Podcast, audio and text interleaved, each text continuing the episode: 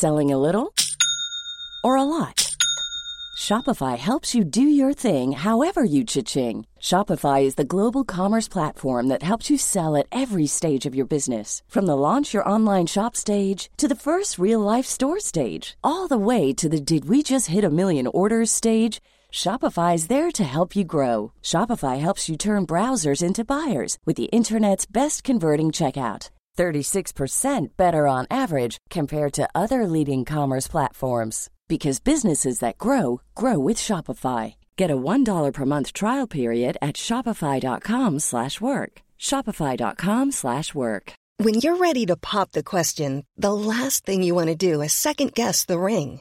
At Bluenile.com, you can design a one of a kind ring with the ease and convenience of shopping online. Choose your diamond and setting. When you find the one, you'll get it delivered right to your door. Go to Bluenile.com and use promo code LISTEN to get $50 off your purchase of $500 or more. That's code LISTEN at Bluenile.com for $50 off your purchase. Bluenile.com code LISTEN.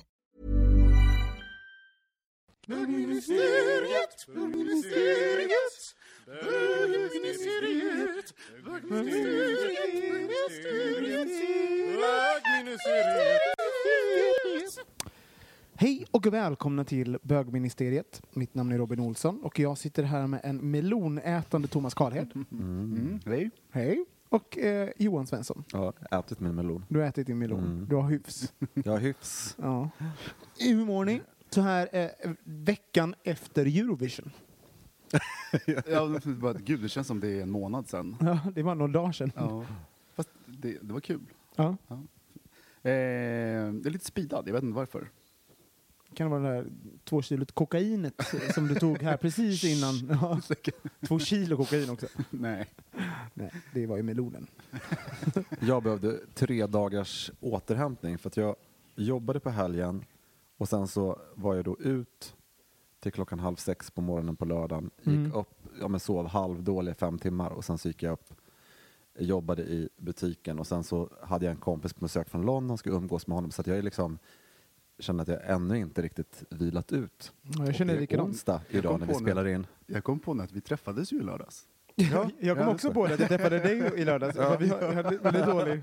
Det säger någonting om tillståndet. Man Ja, var inte helt... Champagnestinna. Oh, Ja, Men champagne blir så här äckligt till slut. Ja. Det stannar i munnen. när Man känner, Hörni lyssnare, drick inte så jättemycket champagne. Det blir så himla äckligt. Mm, blä, blä säger Johan om champagne. champagne, man får inte ha för mycket. Det...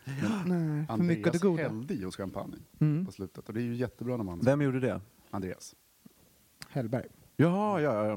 Vi är så tacksamma. Tack, tack. Tack Andreas. Ja, Jesus Christ. Nej, men, det, det, var, en- det var ju faktiskt nästan en värre vecka än Pride. Alltså på ett många sätt. Som jag inte riktigt, jag vet inte varför jag inte hade förväntat mig det. Jag blev lite förvånad. Men det var ju verkligen aktiviteter hela tiden. Och det var kryllade ju av bögar här i Stockholm. ja. Det var ju att sätta på sig grinder och scruff var ju så bara Jag kunde liksom känna tungorna i röven ut, utan att de var här. liksom. Ja, det var helt sjukt. Men ehm, ja, det var ju invasion. Märkte ni av det, att det var extremt mycket? Jag märkte det speciellt i butiken faktiskt. Ja, vad är det för butik?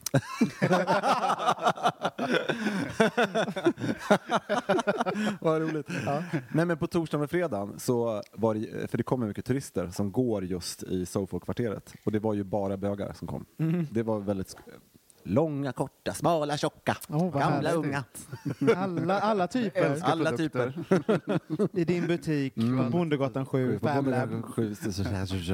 Swedish Fab Lab Märkte du av det, Thomas? Eh, Eh, ja, men jag blev också sådär. Han var i butiken så han kände... Ja, Precis. Du ja, såg just inte det. mig. Korta, tjocka, sa du. Gamla.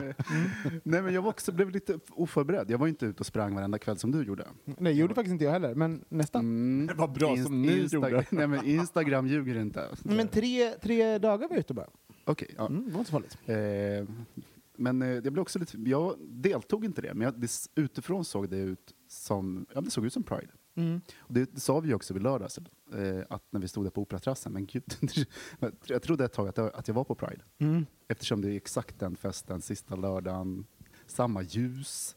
Ja. Men, och jag upptäckte ju en sak som jag inte visste, en fördom jag inte visste att jag hade. Och det- För det var ju väldigt så här, när man öppnade Grinders Gruff så, så, kunde, så var ju folk, folk ville ju liksom hooka med andra Eurovision-fans. Alltså det, är också för att, antagligen för att vi har, som, nej, som kompisar också sådär. Alltså det, ah, jag är här för Eurovision. Alltså det att man liksom ville berätta det, att eh, jag, är, jag är här för det.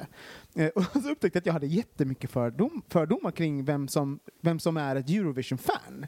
Att jag var såhär, jaha, ett, ett Eurovision... Tänkte jag, så liksom, ja, ja, du är en sån. Och så började det liksom ro, rota runt i huvudet. Typ, vad, vad är det för någonting? Att det, att det, att det är någon mar, marig liksom, glitterhatt. nörd sådär, som, liksom, äl- som har, alltid har boa på, på när tjejkompisarna fyller år. Alltså du vet, att jag hade den här klichébilden, och det vet jag ju, kära lyssnare, att så är det ju inte. Det finns en mångfald i det också. Men jag upptäckte att, att eh, liksom, känslomässigt så hade jag den fördomen. Har ni fördomar kring Eurovision-fans?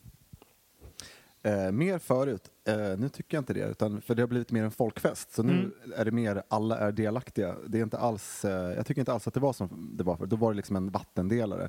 Nu har det faktiskt den här 15-årsperioden då det som de har drivit det i Sverige med alla deltävlingar och så, så har det blivit en folkfest. Mm. Där jag tror folk inte sitter hemma och är fina i kanten. Förutom jag då som var på Rish, jag såg faktiskt inte schlagerfestivalen. Gud, Så alltså, bilden Johan målar upp av sig själv. Butiksägare, eh, vad är det? han, dricker, han blir, Ja, och- tycker det är äckligt med för mycket champagne och hänger på Rish. Och Men en annan sak jag skulle berätta Eurovision. som var lite kul, för jag tänkte på det här med att eh, man förr i tiden sa till, ja men du vet så are you friends of Dorothy. Dorothy och så. När bögarna kom in i butiken Mm. så frågade jag så här efter de hade varit och spanat omkring och det var så radiaten, så här kryptonitbögar. Jag bara, so you're here for the music? så här, och alla började så här fnittra. För det var liksom en, som en sån grej, som att säga så här, are you gay too? Liksom, så här, det var väldigt kul. Så här. Hade du sex med dem sen? Ja, absolut. Jag har en liten skrubb bakom Ja, den- disken. Mm. Hade du, eh, har du fördomar om kring Men Eurovision-fans? alltså, det måste, vad menar vi med Eurovision-fans? Det är ju liksom inte eh, Ulla och Bengt som bor i Borlänge som kollar på det en gång om året. Men det kanske är det som Bö- måste vara då? fördomen. Ja, men bögar, Ja. okej. Eh, men det- är sådana som reser över hela Europa eller över hela världen för att komma hit. Alltså, du får definiera hur du vill, det finns i så Sverige också. Och, och då, då, då har jag nog lite fördomar. Ja. Att det är lite boahatt och lite så här Mm. camp. Mm. Tror Men tror ni inte att det har... För, förr var det ju väldigt... Det var du, som du sa Johan, det var ju verkligen en vattendelare för Om man tänker på klubb, så här, schlagergolvet, housegolvet, och det är liksom, de beblandar sig aldrig. Nu, kan, nu hoppar ju folk lite mer emellan, känns det som.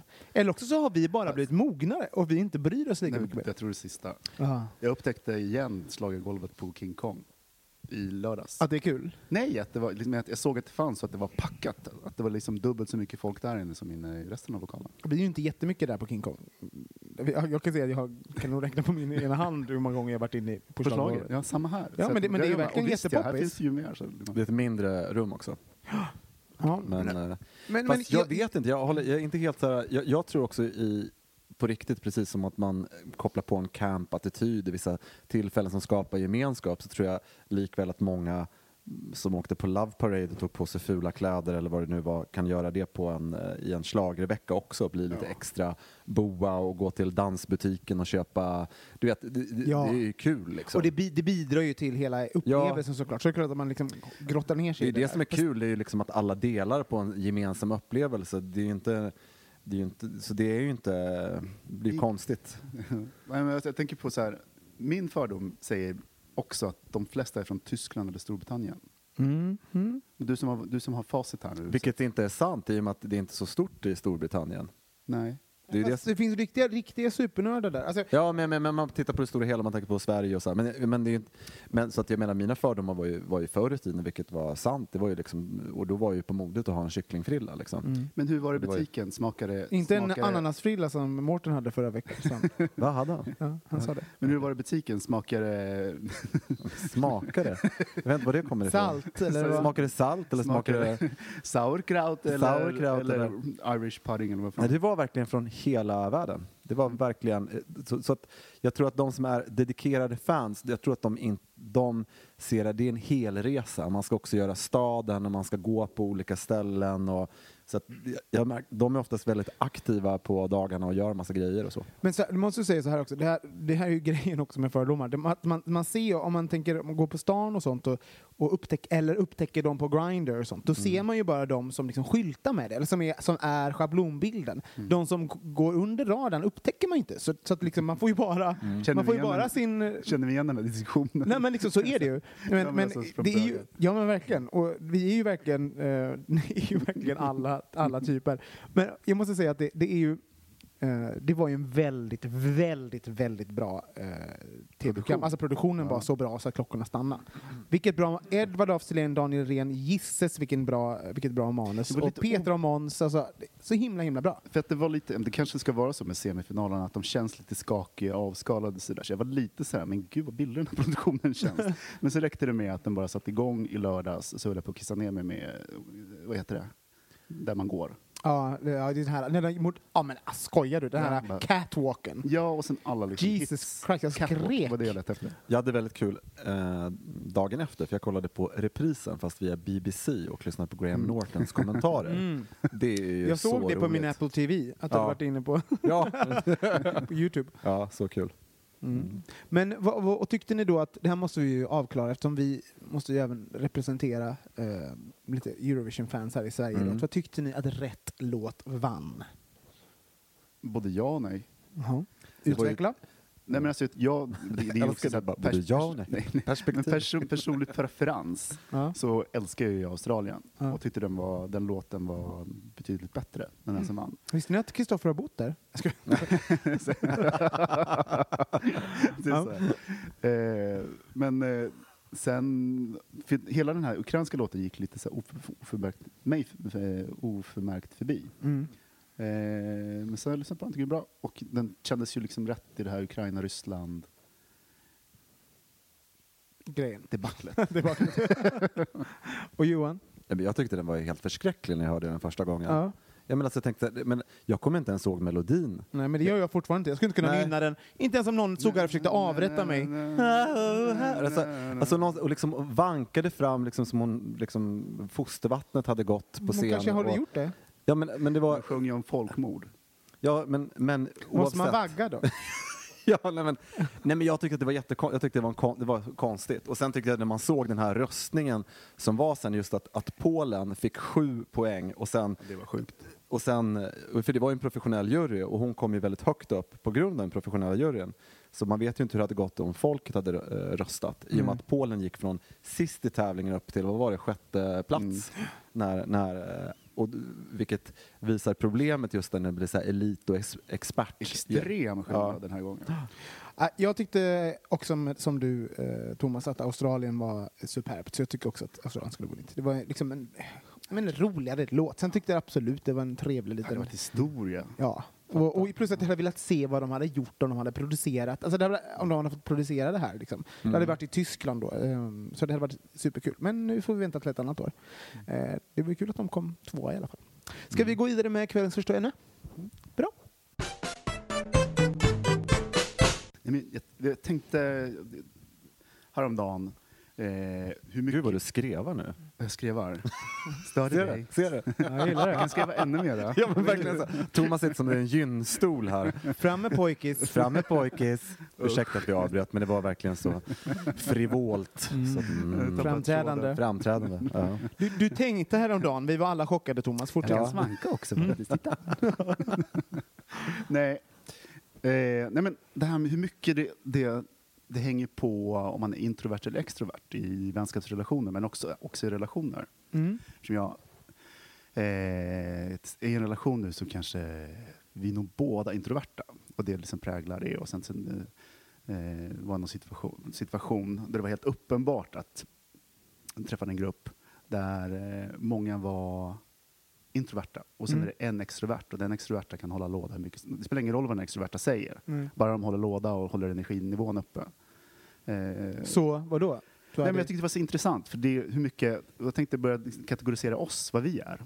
Nej, men, för det är intressant. Är, är, men är det någonting, om alla är introverta och en är extrovert, är det någonting... Nej, alla balanser, alltså det, man, grupper hittar ju sina balanser när det gäller Ja. energinivå och sådana saker, men det, liksom, det blir väldigt tydligt. Det fanns ingen Om preferens. man har en clown i att- gruppen och sen är det alla eh, lite trögstartade.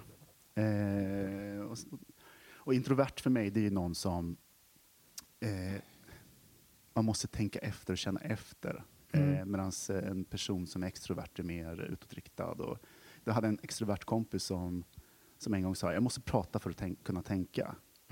Mm. Och en ex, för mig är en introvert, jag måste tänka för att kunna prata. Mm. Och det tar lite längre tid. Eh, och så.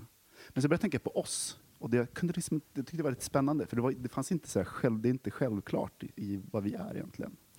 Spontant tänker jag att, att det handlar inte om eh, vem man är. Alltså, det- just att det, folk befinner sig på olika, mm, liksom, på ett spektra på något sätt. Så det beror på konstellationen. Om någon är starkare och mer högljudd så anpassar man sig på något sätt. Mm. Ehm, och även hur många Alltså, vet, om det, jag kan ju bli sån, jag kan ju vara verkligen både och. Jag är kanske mer åt den extroverta eh, oftast än introverta, men jag kan verkligen vara introvert också.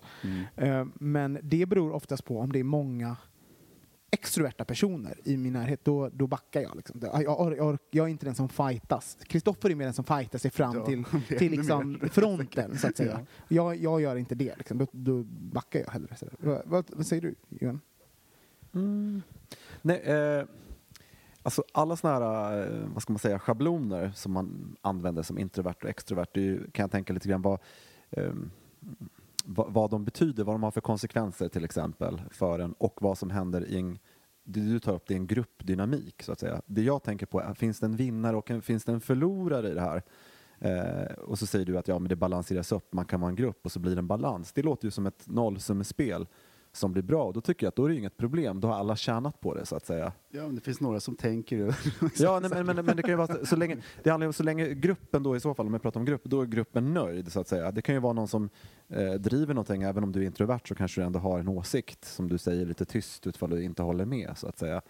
Eh, men, men min fråga är ju liksom lite grann vad, vad, vad, vad kan det få för positiva och negativa konsekvenser? För att det kan ju vara lite så här, vad, ja, men introvert, är det att vara blyg? Eller jag vet inte riktigt vad det, vad det innebär egentligen att vara in, liksom. Men om, om det är så, som det här exemplet som du tog, tog om det är många introverta och en extrovert, då, då, gör ju, då finns det ju ett, en chans att ehm, om inte den där extroverta personen hade varit där, då hade ju andra personer fått step, step up och, och ta andra roller som Mm. de inte Eh, gör eller kan få en möjlighet att göra.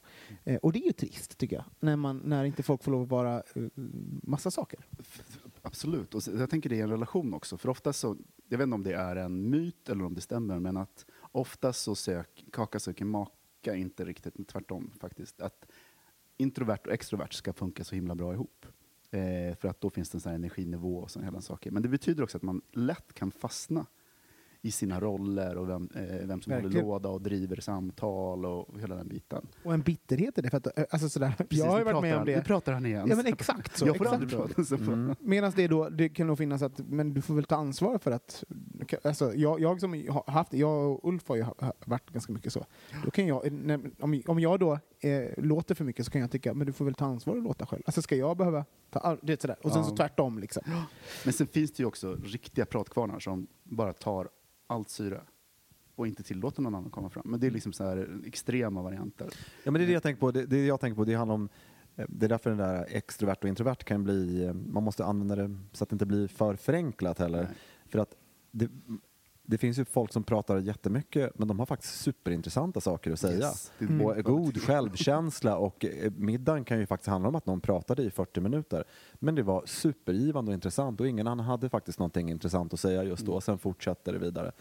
Sen är det skillnad om det är liksom en pratkvarn som är där som inte, Lyssna. som inte klarar av ett förhållningssätt till andra människor utan att hålla käften. Mm. Eh, det är ju liksom en helt annan, då pratar vi ju inte om då blir begreppet introvert och extrovert inte vägledande. Vad anser du dig själv vara Johan?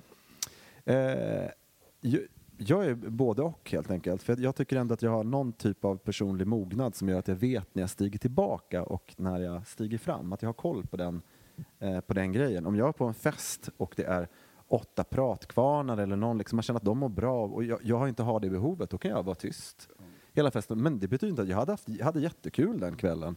Sen kan det ju vara någon kväll man är helt full och man är den som bara dansar på golvet och tar jättemycket plats.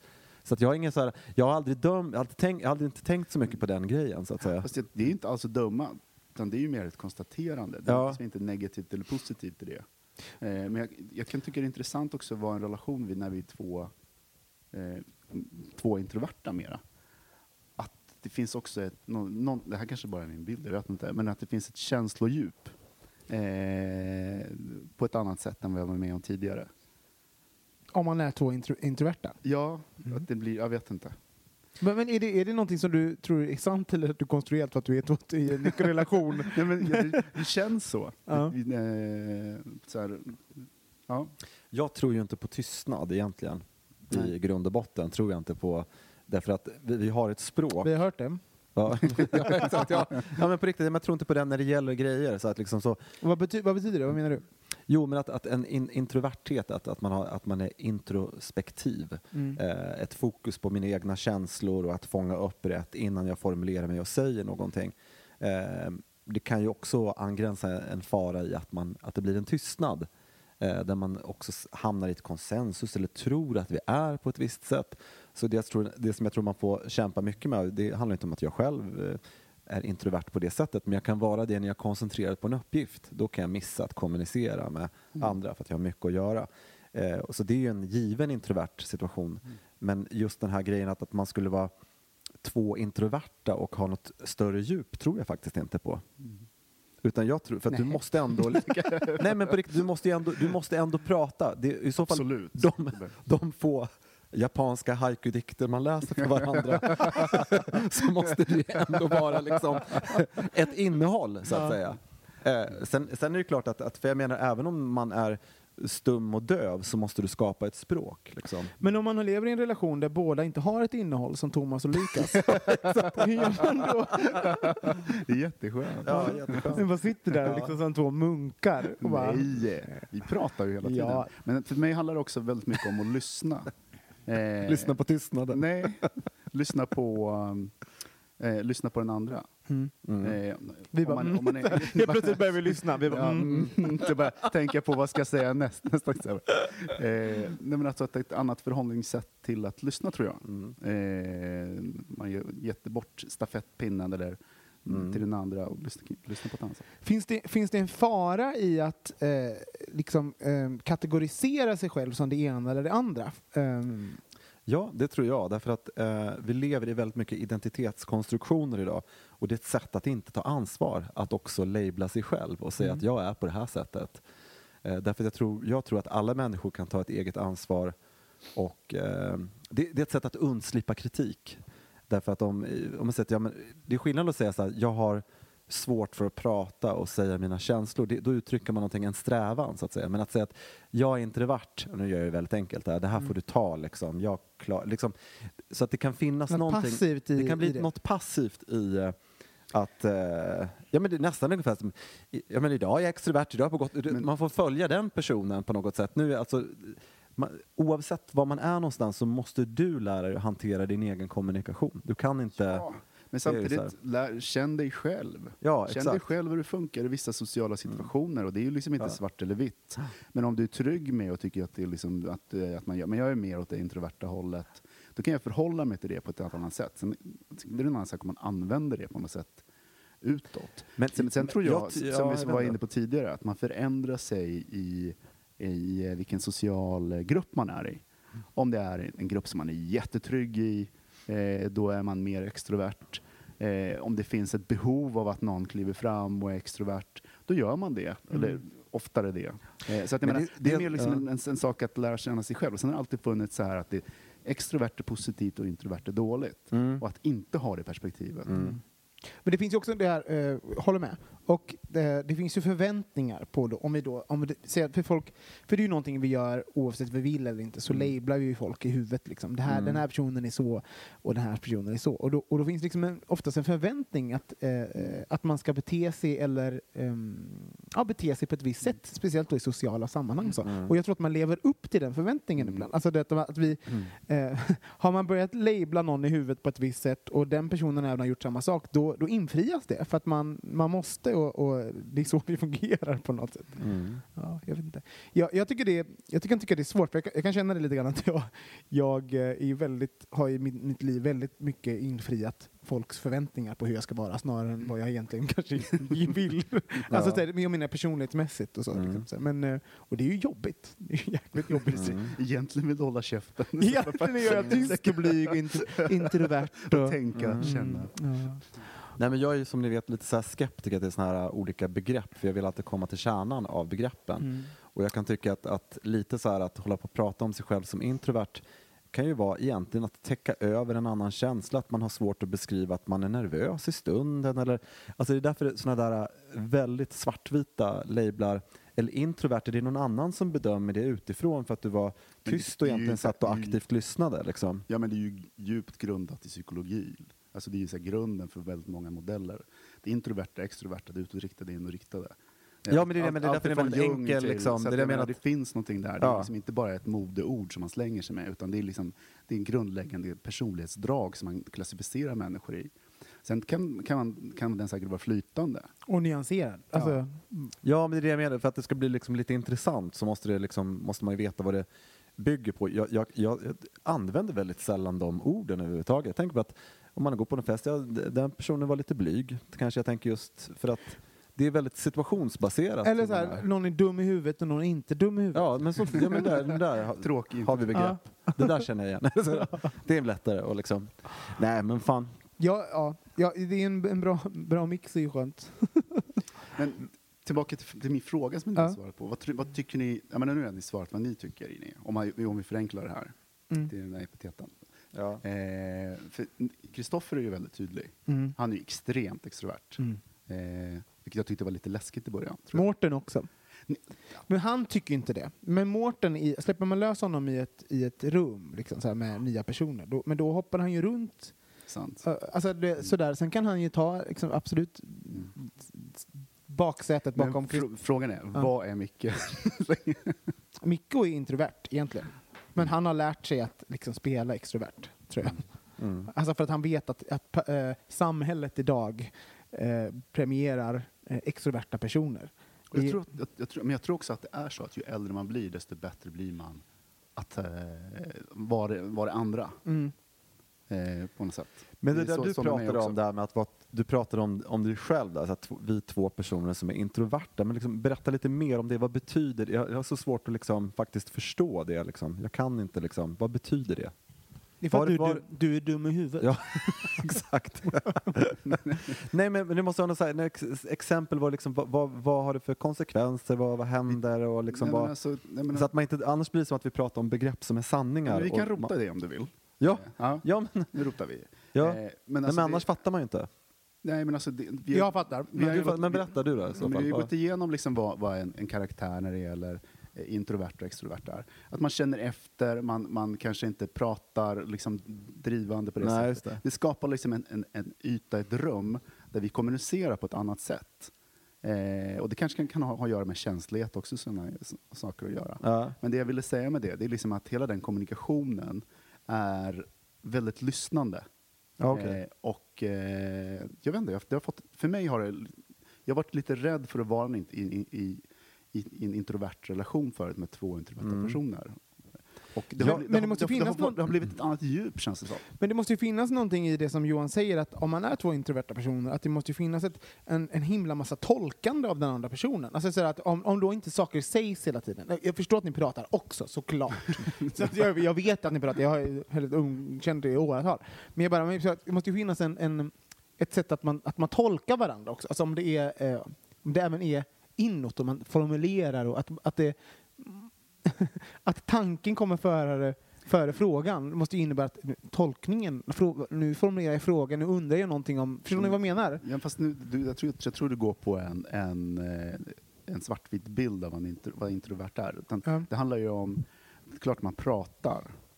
Det är klart att den här gruppen med folk som... Men man gör det långsamt Nej, man har inte tänkt, långsamt. tänkt efter. Man pratar på ett annat sätt, man lyssnar på ett Lilla annat sätt. Ferdinand. Ja, ja, nu skiter vi i det här. Nej. Nej, men vadå? Jag tycker det är, det, är det som är intressant. Jag tycker det är... Det, eh, ja, men Blev du det som är- introvert nu? Fast ja, är det som, Nej. nej, men grejen är så att det kan också bli som en... Eh, eh, vad, liksom motsatsen till det, två extroverta som, som är ihop. Är det liksom... Det, det är intressant att tänka, vad händer då? Liksom, vi har säkert haft sådana exempel runt omkring oss. Det är, Men det är en annan sorts energi. Ja. Tänk- er Farao och Groth och Kristoffer Wallercrantz i en relation. Ja, Det vore något- Det vore härligt. Det kan vi ju se. Nej, men hörni, om ni där hemma har eh, åsikter om det här eh, relativt ytliga ämnet om introvert och extrovert, måste Ja. jag säga, så hör gärna av eh, Vi har ju inte lyckats grotta ner oss till kärnan, så hör gärna av er till o- oss med åsikter och ehm, om ni har eh, en relation som ser ut på ett annat sätt. Eh, hör av er till hej eh,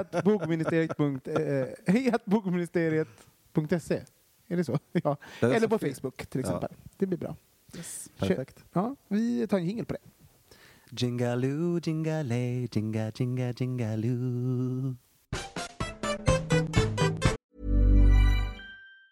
This Mother's Day, celebrate the extraordinary women in your life with a heartfelt gift from Blue Nile. Whether it's for your mom, a mother figure, or yourself as a mom, find that perfect piece to express your love and appreciation. Explore Blue Nile's exquisite pearls and mesmerizing gemstones that she's sure to love. Enjoy fast shipping options like guaranteed free shipping and returns. Make this Mother's Day unforgettable with a piece from Blue Nile. Right now, get up to 50% off at BlueNile.com. That's BlueNile.com.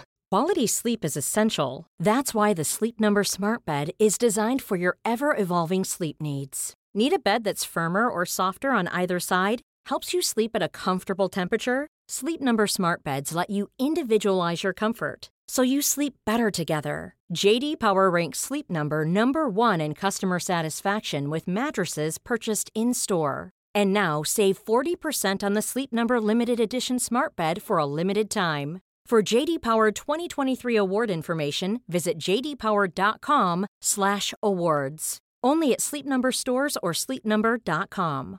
Many of us have those stubborn pounds that seem impossible to lose, no matter how good we eat or how hard we work out. My solution is PlushCare. PlushCare is a leading telehealth provider with doctors who are there for you day and night to partner with you in your weight loss journey. They can prescribe FDA-approved weight loss medications like Wagovi and Zepbound for those who qualify. Plus, they accept most insurance plans. To get started, visit plushcare.com slash weight loss. That's plushcare.com slash weight loss.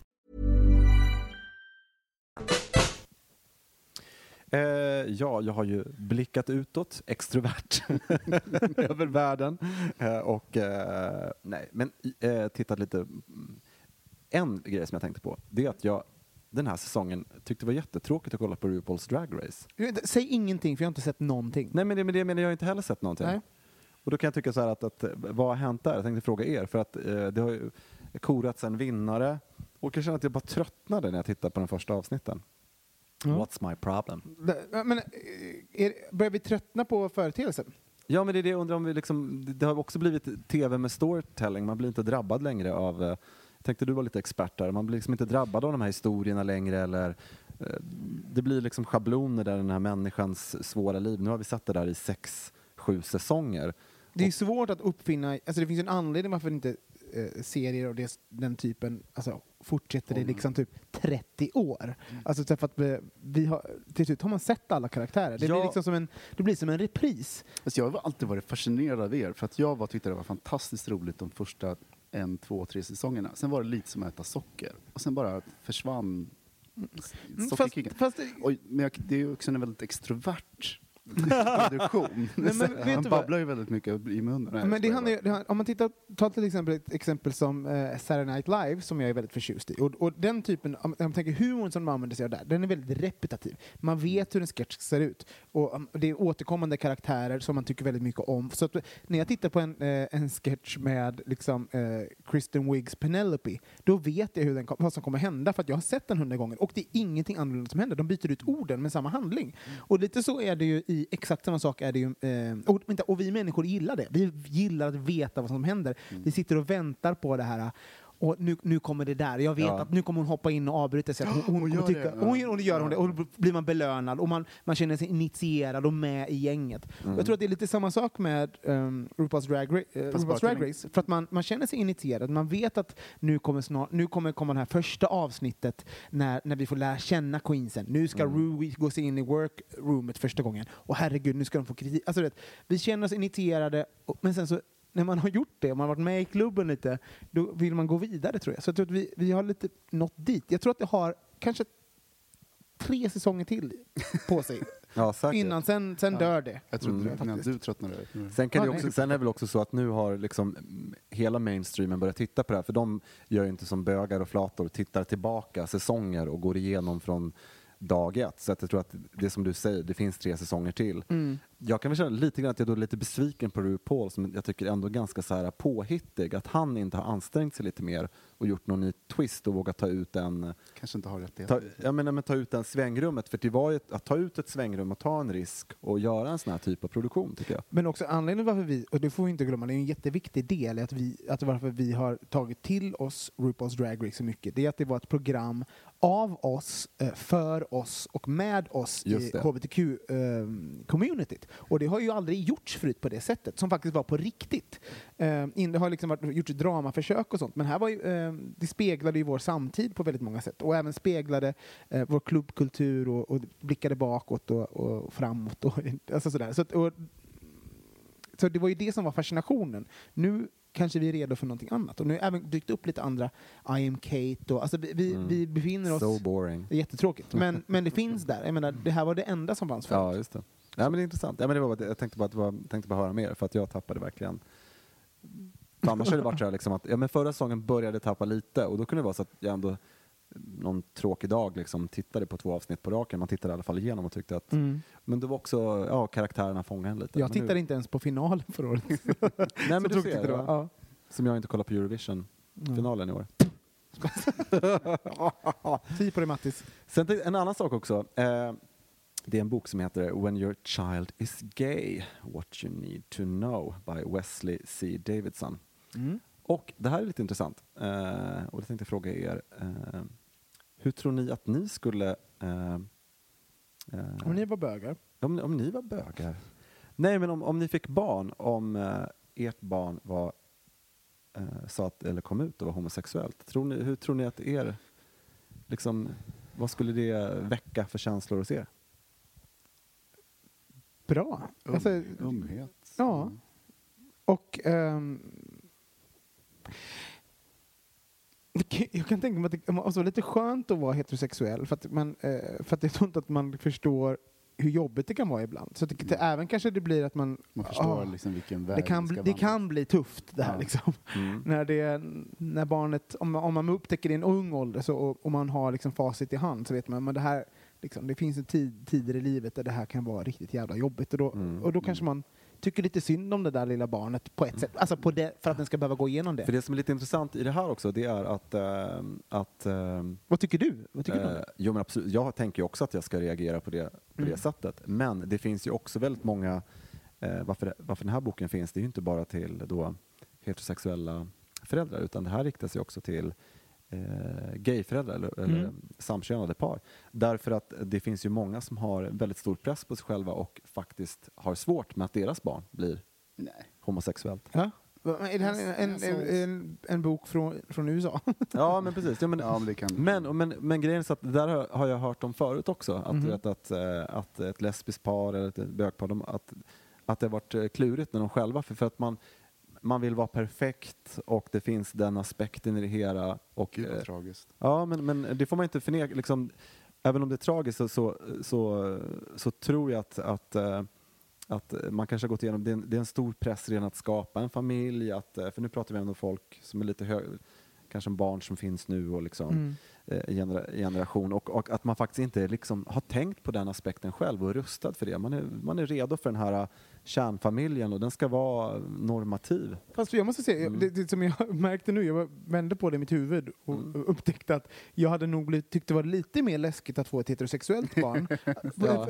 Jag personligen, för att jag, det finns massa saker i det som jag inte riktigt vet. Nej, För att jag inte har varit med om det själv. Och, och liksom som människa så vill man ju dela med sig av sina erfarenheter. Och, och jag, ja, jag finns ett, ett litet hål här och var som jag inte kan allt om. Nu pratar jag inte om fittan, nu pratar jag om kunskapsmässiga alla, hål. alla tänkte på det. Jag bara, Så- så- wow. Ja, men så eh, så att det hade nog varit lite läskigare tror jag.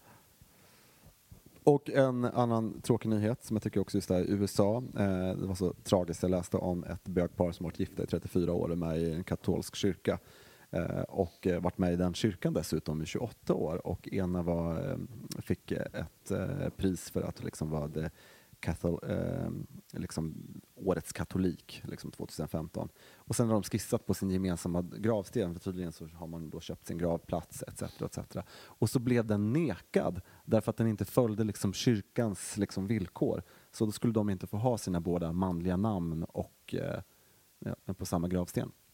Så då var de tvungna att ha initialer eller något sånt där då, eller? Nej, det var inget, utan det var liksom att, eh, jag vet inte vad liksom lösningen är Men fick de ligga tillsammans? Ja, men det... Bara- Jag kan ju tycka, nu ska, jag- nu ska jag inte basha någon religion, eller jo Ja. det ska jag, jag kan tycka det är lite svårt att, att vara alltså, sådär, homosexuell och, och katolik när det finns sån uppenbart motstånd i katolicismen mot Ja. homosexualitet, om man tänker mot påven och sådär. Liksom. Ja. Så det är ju bara jag blir fascinerad när jag hör folk som bara Årets katolik och man, Ja, det, det, finns en sån, det finns en sån att man liksom sätter turn a blind eye till Mm. eh, en väldigt stor grej av katolicismen som då är påven och Vatikanen. Och det är intressant med den där spännvidden. Jag tycker alltid man blir så förvånad när man får de där nyheterna från USA. Såna olika, men speciellt också folk som verkligen har eh, bidragit, här hyckleriet, bidragit till samhället och gjort, jobbat in the community i flera år och sen helt plötsligt så ska man Jag, inte det, få... det slog mig bara nu, jag är alltid förvånad över alla som, som, har, som är religiösa, för Ja. det är alltid motstånd från alla religioner i, nästan. Ja, så att det, jag vill bara klargöra det. Och sen... Eh, Men vad sorgligt Johan. Det var ja, sorgligt. Mycket sorgligt. Mm. Eh, och sen vet du, så tänkte jag på en annan grej som... Eh, man vet ju inte om det kan bli aktuellt, Nej. men eh, i USA i eh, måndags Mm. så eh, gick ju eh, en 64-årig man igenom världens första penistransplantation Just det! i Massachusetts. Och den skulle vara funktionell. Ja, exakt. De, de har ju transplanterat Det har gjorts två förut. stycken, eh, ja precis, två innan. Eh, En var misslyckad och en var lyckad. Bobby, vad hette han som fick eh, kuken avbiten? Bobby... Bobbit. Jag bara, Bobby Bobbit. Onduko. Bobbit. Ja, just Bobby det. Onduko. Men han hade väl liksom, men han hade väl varit lite försigkommen. Han hade väl typ eh, stoppat in kuken i munnen och åkt Ja, till det var sjukhuset. hans så att egen, han- ja. Ja, Han det var hans sydde egen på kuk den, som det var sydde ingen på den igen helt enkelt. Sen gjorde han en porrfilmskarriär tror jag efter Ja. det. Har ni sett den? Ja, nej. Nej. nej. nej. Nej. Nej, verkligen Ja. inte. Nej. Nej men vad... vad alltså, men då, då dyker ju den här frå- tanken upp då att om man ska få, om man blir av med sin kuk, Ja, då just det. vill man ju liksom, såhär, då vill man ju uppgradera.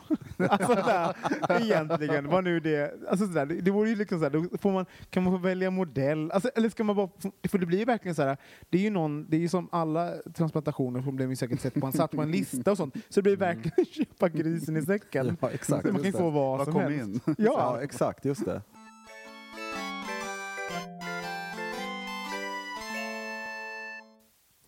Det finns ju ett gammalt ordspråk som heter det blir, eller ordspråk som man säger, det blir aldrig som man har tänkt sig. Hörrni. Och jag har tänkt på det där, att det sällan blir det. Eh, nej men när man var liten så hade man ju så mycket drömmar och tankar och, och, och, och även som eh, om, även om det inte var så mycket drömmar så trodde man att man hade sanningar om sig själv. Om det här, även om man drömde om någonting så trodde man att ah, men det här kanske är mer det jag kommer bli, eller där jag kommer hamna. Ehm, och livet tar vändningar och allt vad det är och sen så rätt som det så är, det någon, är man någon helt annanstans än man tänkte. Så jag tänkte bara så här, blev livet som ni trodde? Det är lite det jag tänkte vi skulle prata om. Mm. Ehm, vi kan väl börja med, vad trodde ni? Hur trodde ni livet skulle bli när ni var små bögbarn? Hörrni, Thomas? Eh, jag, jag tror att jag hade en ganska, du vet sån här eh, förutsägbar bild. Hus, barn, Volvo. Jag kommer ihåg samma år som jag kom på att jag var bög så skrev jag, skrev jag liksom så här, min plan för livet typ. Så här, Och Mm. beskrev den när jag bodde i ett hus, hade fem barn och hade någon sorts jobb. Det var lite diffust hela den saken. Eh, att, eh, det Men var- då skrev du, när du kom på det, så då skrev du att du skulle skaffa barn? det nej. precis bara någon månad innan. Ja, innan, okej. Ja, så det blev sån här, fallhöjden var enorm. till, så här, och den bilden man hade av, av bögar då. liksom. Beskrivningen efter bara så här, K, U, K. Nom, nom, nom. Nej, men då, och då förändrades den här bilden till att jag skulle bli forskare på Antarktis eller bli präst eller någonting sånt där så Mm. man kunde leva med hela där. Vi har Eh, pratat om det förut, att väldigt många bö unga bögar som sen när de kommer på det, att man, att man alltid tänker att då måste man fly. Man måste Ja, bort skam, ifrån bort. sin familj och, Bort från och, skammen. och, och den, den miljön man är i. Liksom. Ja. Mm. så du, då tänkte du Antarktis då? ja, nej, men sen, sen har det liksom byggts på på något sätt, uppgraderats hela tiden. Mm. Eh, och bara för att svara på din fråga, det har blivit mycket bättre än vad jag hade någonsin kunnat ana. Vill återkomma till det, för, för att eh, bygga, bygga på. Det, mm, vi, vi kan komma tillbaka till det, så här, om, om, om man börjar på Antarktis och, var- och ensamhet, då finns det ju bara eh, room for improvement, tänker jag. Så det är ju kul, och om vi pratar om förväntningar, då kanske allting blir jättebra. sen, Men vi, Men också, men också för att det har, i den, under den tiden som jag bör, född i början av 70-talet, så har också människors livsvillkor förändrats radikalt. mm. Man kan resa, man kan studera på ett annat sätt, man kan göra saker som kanske bara en eller två, tre generationer innan absolut inte kunde göra. Mm. Everyone has a story. och en fantastisk uh, Saturday Night Live-sketch. Du då Johan, vad, vad, vad hade du för förväntningar på livet när du var liten?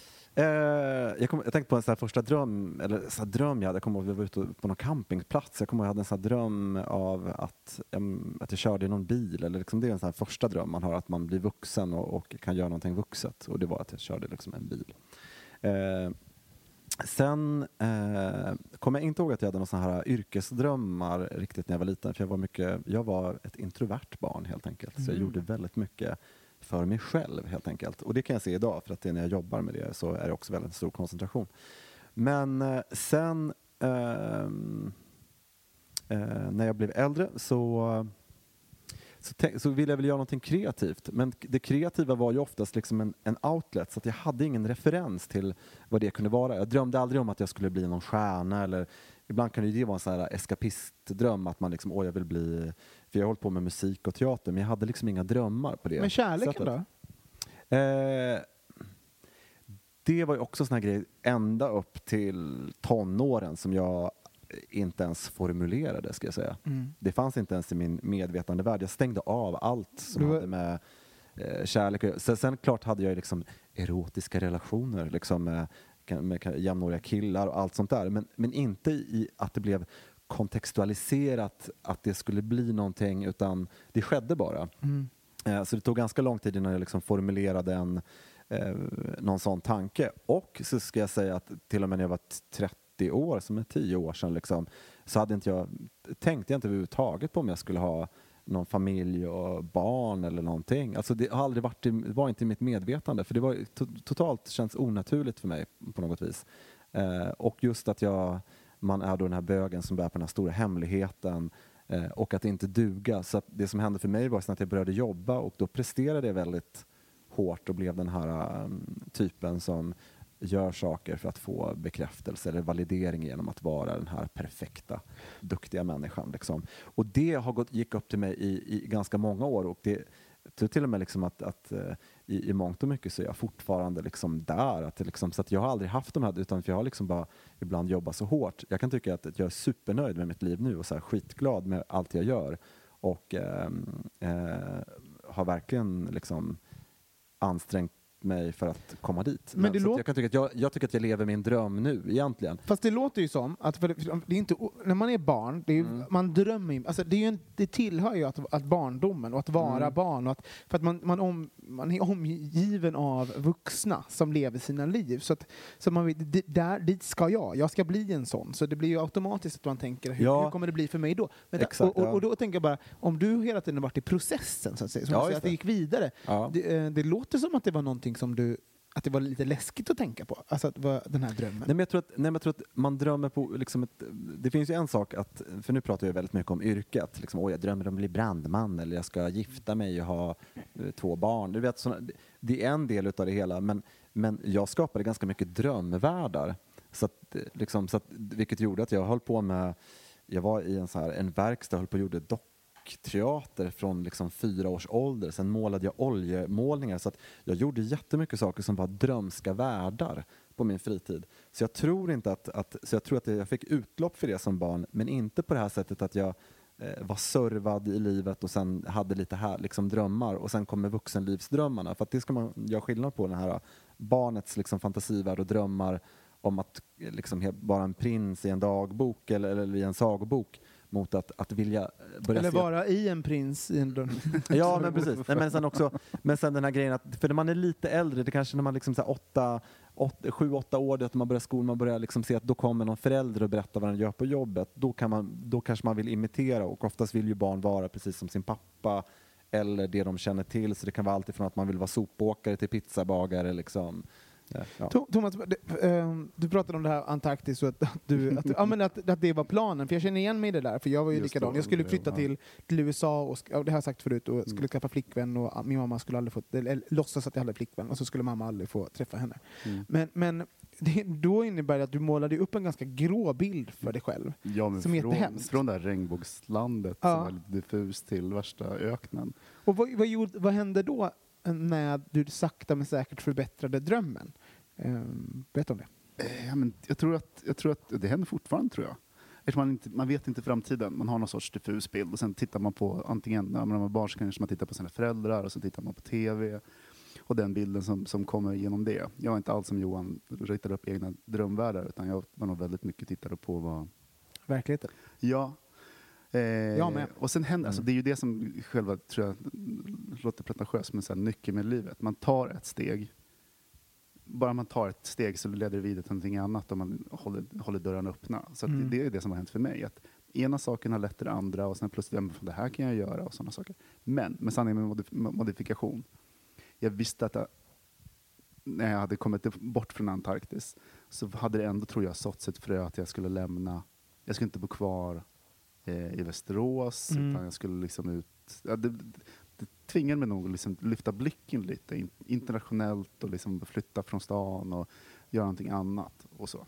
Och det har ju eh, påverkat dig på jättebra sätt. Alltså, jag menar, det har ju Ja. påverkat hela ditt liv och dina yrkesval och allting. Ja, men så finns det sådana stationer man kommer till. Eh, gymnasiet är jätteviktigt tror jag. Mm. För då man, man, man, jag tror jag valde människor i ett sammanhang som, som, som gör att man triggar varandra i, i någonting det. Och sen kommer man, i mitt fall, till universitet och händer någonting där.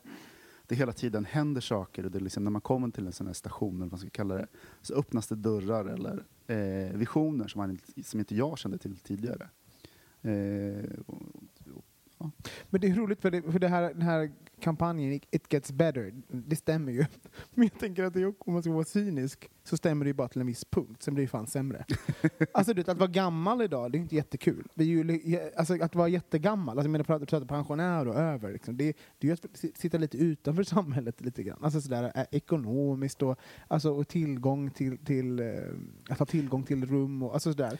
Så det, jag tänker att nej, it gets better Vi to a point. Sen blir det lite sämre. Eh, Om man inte har, Fast- om man inte har ekonomisk möjlighet att... Fast jag tror att det där är en bild som, alltså det, det, det är en svartvit Mm. bild på något sätt. Och det, det finns många pensionärer som är ensamma, som är, ja, de har ekonomisk knapert och Och i saker. Sverige, vi tar inte hand om våra äldre. Alltså, Nej, men om du familjen ja, är ensam, viktig. att, liksom att du kanske inte har ett socialt sammanhang. Men det är faktiskt upp till vuxna individer det också. Om man inte är senildement eller sådana saker så kan man skaffa vänner och hela den biten. Och det, men, eh, så jag tror att många som är äldre Mm. har har ett rikt liv och Mm. gör med sig, reser mycket, har vänner, hittar på, har sommarstuga, hela den biten. Så att jag, tror att, jag tror inte man ska vara så rädd för det. Plus att jag upplever fortfarande att så länge jag har förståndet kvar och inte blir senildement eller så, där, så upplever jag att jag faktiskt blir en bättre människa. Mm. Så du är på väg neråt nu då? Nej, Men, eh, nej, men eh, vet du en sak? Nej att jag, att jag, liksom, jag, jag, fortsätter, jag fortsätter växa som människa Mm. ju äldre jag blir. Jag förstår. Mm. Och en sak måste jag säga som jag tycker är ehm, kul. Det är att jag, jag gick ju ganska snabbt på en ganska utstakad väg. Jag skulle bli, hålla på, jag vet att jag skulle stå på scen och skulle bli artist på något sätt. Jag tänkte skådespelare, jag blev musikalartist, bla bla bla. bla. Ehm, men det som jag aldrig hade tänkt är liksom det jag hade jo- jobbat med nu. Det hade jag inte ens kunnat drömma om. Jag visste inte att det var ett yrke. Och det är ju sådär så att så om det blev, om, om frågan är så här, blev, blev det som jag trodde? Nej, för det hade jag aldrig kunnat tänka mig att det skulle kunna bli som det här. Eh, och det jag jobbar med nu. Och det är ju skitkul!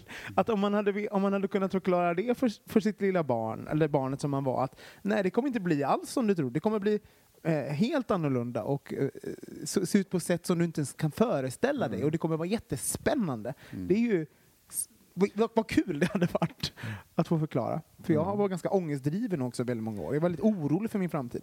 Men en sak som har med världsbild att göra, tycker jag, det är att när man när jag var liten, och jag tror att det, många kan känna igen sig i det, det är att man tycker att världen är så stor. Och att ju äldre man blir, att den är så jävla liten. Att det är så Ah. nära till alla de här miljöerna man kanske ser på TV. Och nu för tiden också. Ja, nej, men, och det, alltså det, att det, avståndet är mycket mindre om man skulle vilja göra någonting Mm. eh, och få förmånen att göra det. Det är Man lite sorgligt Man kan hamna i... i också. Ja, menar du? Eller, jag menar att, att, för att det finns ju någonting i det här att världen är oändlig. Ja. jag, kan, alltså, den är, den, jag, kan van, jag kan bara ge mig ut på en vandring, jag kommer inte kunna se någonting. Nu kan jag, jag kan liksom, allt finns på mina fingertoppar nu. Jag kan få veta allt om På världen. tunga menar du? Ja, det är med. Nej, men, och det, det har jag faktiskt känt lite sorg över ganska många gånger. Att, jag, att världen känns inte mystisk mer. Även om den är det, jag vet det. Ja. Men jag är lite ledsen över det. Det där har jag varit med om eh, i omgångar. Mm. Men, men den blev mystisk på ett annat sätt sen. Hur då? Eh, ja, men alltså, jag, Det var efter din tantrakurs. ja, precis. Min tarmsköljningsupplevelse. Ja, Nej. Nej, men, eh, jag- jag tror att jag hade en period där jag reste väldigt mycket. Mm. Mitt jobb. Och jag förknippade resa med... Ja, men jag blev trött. Och så här, upp, jag- upptäcktstrött. Men det, jag behövde börja resa på ett annat sätt och bli på en annanstans i livet och se saker och ting. Att, att jag började se saker på annorlunda. Då var det lite som att det blev en, en ny glob. Hur såg du sakerna annorlunda? Eh, nej men, andra vänner, andra saker som man gör. Eh, Som vad?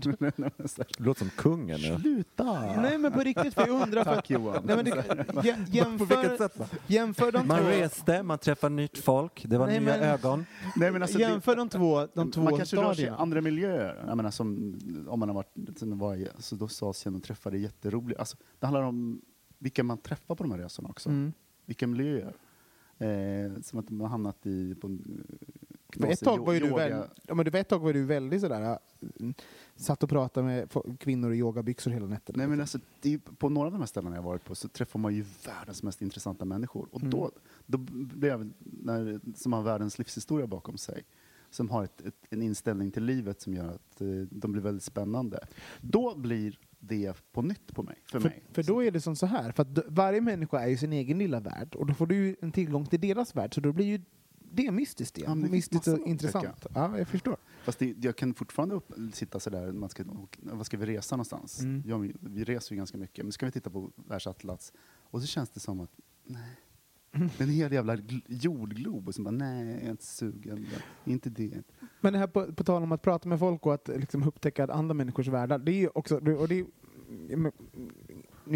ingen kritik mot alla unga människor, men det finns ju un- yngre människor som inte ställer så mycket frågor, utan som förväntar sig alltid att, att liksom bli, bli tillfrågad. Vad, hur är ditt liv? Bla, bla, bla. Men att ställa frågor är ju det roligaste man kan göra. Kli, kliva ur förutsägbara rum. Ja, Alltså, men ställer man frågor- Man. Ställer man frågor och intresserar sig för liksom, eh, andra människor, då, alltså det, det finns så mycket roliga, sjuka grejer som man kommer att vara med om. Det är nog det, en av de största livsvisdomarna jag har varit med om när jag började ställa frågor. För innan gjorde, ställde jag inte en enda fråga. Mm.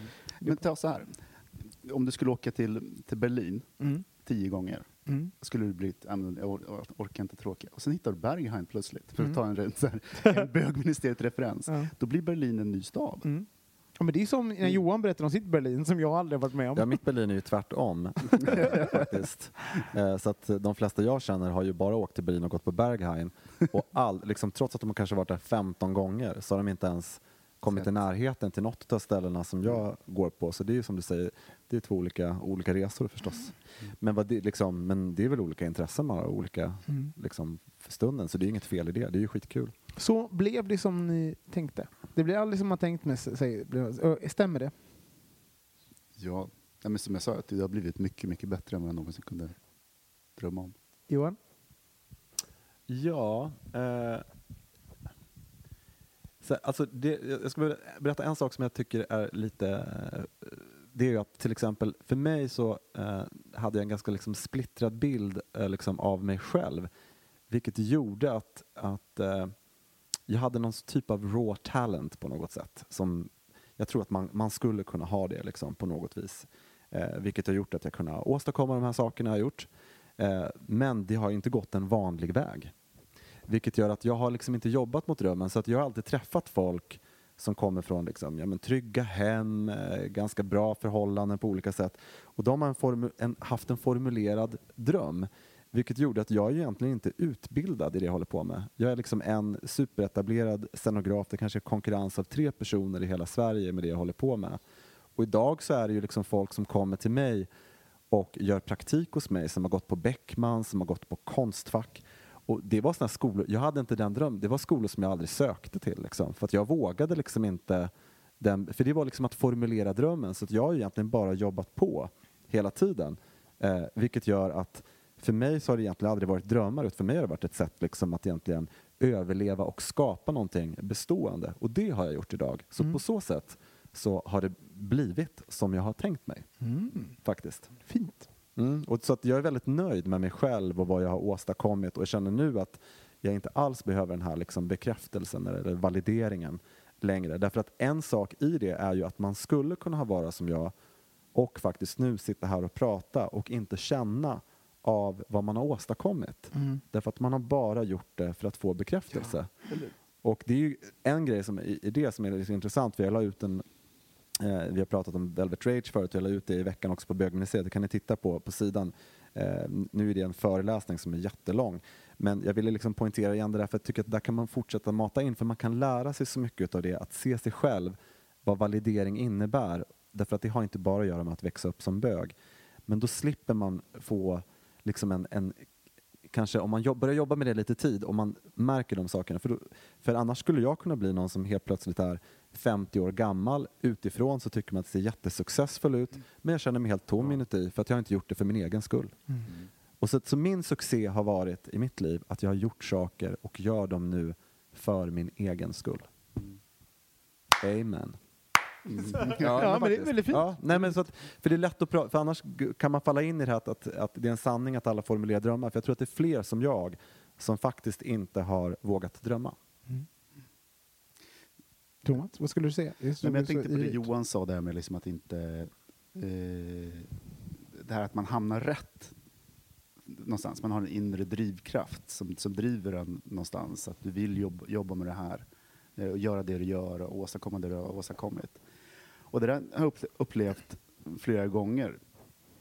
Ofta ofta när man är i en viss ålder så känns det så här att man kanske inte har några drömmar. Men vad ska jag, vad ska jag välja för någonting? Ska jag välja för gymnasium? Vad ska jag välja, för jobb? Hela den saken. Det känns som det är som ett, en öppen bok allting. Eh, men sen så, så, så kändes det för mig. Men sen vände jag mig om vid ett, själv vid ett ti- tidpunkt och tittade bakåt. Och det var så självklart att jag hade hamnat där jag hade hamnat till slut. Mm. Det var på mitt förra jobb, det här jobbet, hela den här inriktningen. Eh, att man egentligen kunde se det från start. Så det, är liksom, det är så intressant också liksom att Det, men, för det är ju, vi pratar mycket om jobb nu, men det, och det, så kan jag också se när jag pratar om jobb. Men känslomässigt och när man tänker kärlek och sånt där, där har jag liksom ingen... Eftersom, eftersom mina referenser var heterosexuella och jag, såg, jag hade så svårt att visualisera. Jag kunde visualisera ett jobb, jag kunde se mig själv i yrken och, och den typen. Men, men i kärlek och, och relationer och vänskap och alltså det, de här mjuka värdena, det, det, ehm, det blev inte alls som jag hade tänkt mig. För jag tror, jag, Vilken ålder pratar du om nu? Nej, men jag pratar om, om ehm, nej, men det var ju ganska högt upp i åldern, alltså upp tills, att man, tills jag kom ut kan man väl säga. Sådär. Alltså, att- man, ehm, och det tycker jag är intressant att att det är så svårt att visualisera. Det är väldigt svårt att visualisera kärlek Ja, och, jag och kommer relationer. ihåg en sån väldigt sån stark tanke. Jag kommer ihåg när jag var hemma när vi bodde i Mora och ja, typ i tonårstiden. Så kommer jag ihåg att, liksom att, att jag satt och liksom det var då jag började tänka på det här att, att ha en kille, ett förhållande. För det hade alla andra hade ju liksom förhållande runt omkring mig och jag var den här odd one out på något sätt. Höll på med massa olika saker och så här. Men att, att jag faktiskt satt där och liksom visualiserade och tänkte så här, gud jag undrar hur det är att ha en kille och hur är det att kyssas egentligen med någon som man Mm. älskar eller kär i på riktigt? För då kändes det som något så otroligt avlägset på något vis. Och det var ju verkligen en sån grej. Men och, in, återigen, inte att det var en... Och nu får du det. Ja, men precis. Så det var väl en dröm liksom, egentligen som fanns där. För jag tror att ändå, nu har vi som sagt att det är lite så här yr, yrkeskärlek och sånt, det är, det är lätt att falla in på det liksom. Men jag tror att det, det är för att Det är så vi, vi har svårt, stor- att, vi har svårt stor. att visualisera eh, kärlek. Alltså, Mm. Det är lätt att man faller in i yrket för att, för att det, var någon, det var så enkelt att, att se. Också sådär. Så min dröm var ganska enkel helt enkelt. Mm. Det var egentligen att ha, hitta kyssas. kärleken och, få en, och, och Ja. eh, hitta en pojkvän. Så det, det var väl egentligen en tidig dröm i så fall. Mm. Yrkesgrejen fanns inte där på det sättet. Ja, kära lyssnare. Tack Johan, tack Thomas för att ni delat med er. Ehm, och tack för att ni lyssnar. Eh, kom ihåg att följa oss på Instagram och Facebook. Eh, vill bara säga att eh, följer ni oss på Facebook så kommer ni inte se samma sak på Instagram. Det är två helt olika flöden. På eh, Facebook är det mycket artiklar, filmer, dokumentärer, lite längre innehåll och så. Och Instagram det är roligt. Och, Där är godis för ögat. det är godis för ögat och annat kul, smått och gott. Eh, Johan heter eh, setdesigner Johan på Instagram och eh, Thomas heter eh, ko- Tom, Tomboy. Blir det- Tomboy. Heter Alla lesbiska... Tomboy heter Ja, det, ja, just det. det är så här, han har 30 Han 000 har tagit- flator som följer honom på Instagram. Och jag heter at Olsson Robin. Där kan ni också följa. Eh, tack för den här veckan så hörs vi igen nästa. Hej hej! Puss, hej. Bögministeriet, bögministeriet, bögministeriet, bögministeriet, bögministeriet, bögministeriet. Here's a cool fact a crocodile can't stick out its tongue. Another cool fact you can get short term health insurance for a month or just under a year in some states. United Healthcare short term insurance plans are designed for people who are between jobs, coming off their parents' plan, or turning a side hustle into a full time gig. Underwritten by Golden Rule Insurance Company, they offer flexible, budget friendly coverage with access to a nationwide network of doctors and hospitals. Get more cool facts about United Healthcare short term plans at uh1.com. Hey, it's Paige DeSorbo from Giggly Squad. High quality fashion without the price tag. Say hello to Quince. I'm snagging high-end essentials like cozy cashmere sweaters, sleek leather jackets, fine jewelry, and so much more. With Quince being 50 to 80% less than similar brands. And they partner with factories that prioritize safe, ethical, and responsible manufacturing. I love that. Luxury quality within reach. Go to quince.com slash style to get free shipping and 365 day returns on your next order. Quince.com slash style.